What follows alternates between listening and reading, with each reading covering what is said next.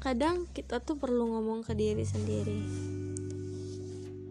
Ternyata benar ya, kita harus ngalah dengan pikiran dan logika. Ngorbanin yang kita nggak mau dan bertahan di tempat yang nggak nyaman. Yang bisa kita lakuin hanyalah menerima. Sometimes it doesn't matter. Feeling yourself is not okay.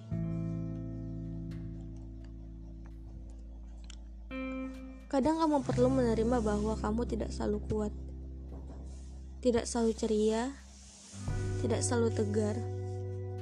Kalau lagi terpuruk ya udah, kalau lagi down ya udah nggak apa-apa. Jangan paksa untuk selalu bahagia. Yang bisa kita lakukan hanya terima. Karena kalau nggak yang ada kita makin kecewa makin menyalahkan keadaan. Dan keadaan gak peduli tentang hal itu. Jujur pengen nyerah tapi nyerah bukan jalan solusinya. Gak usah terburu-buru. Kalau capek istirahat. Istirahat bukan berarti kamu lemah kok. Bukan berarti semesta tidak berpihak sama kamu. Tapi semesta tahu kalau kamu bisa ngelewatin semuanya.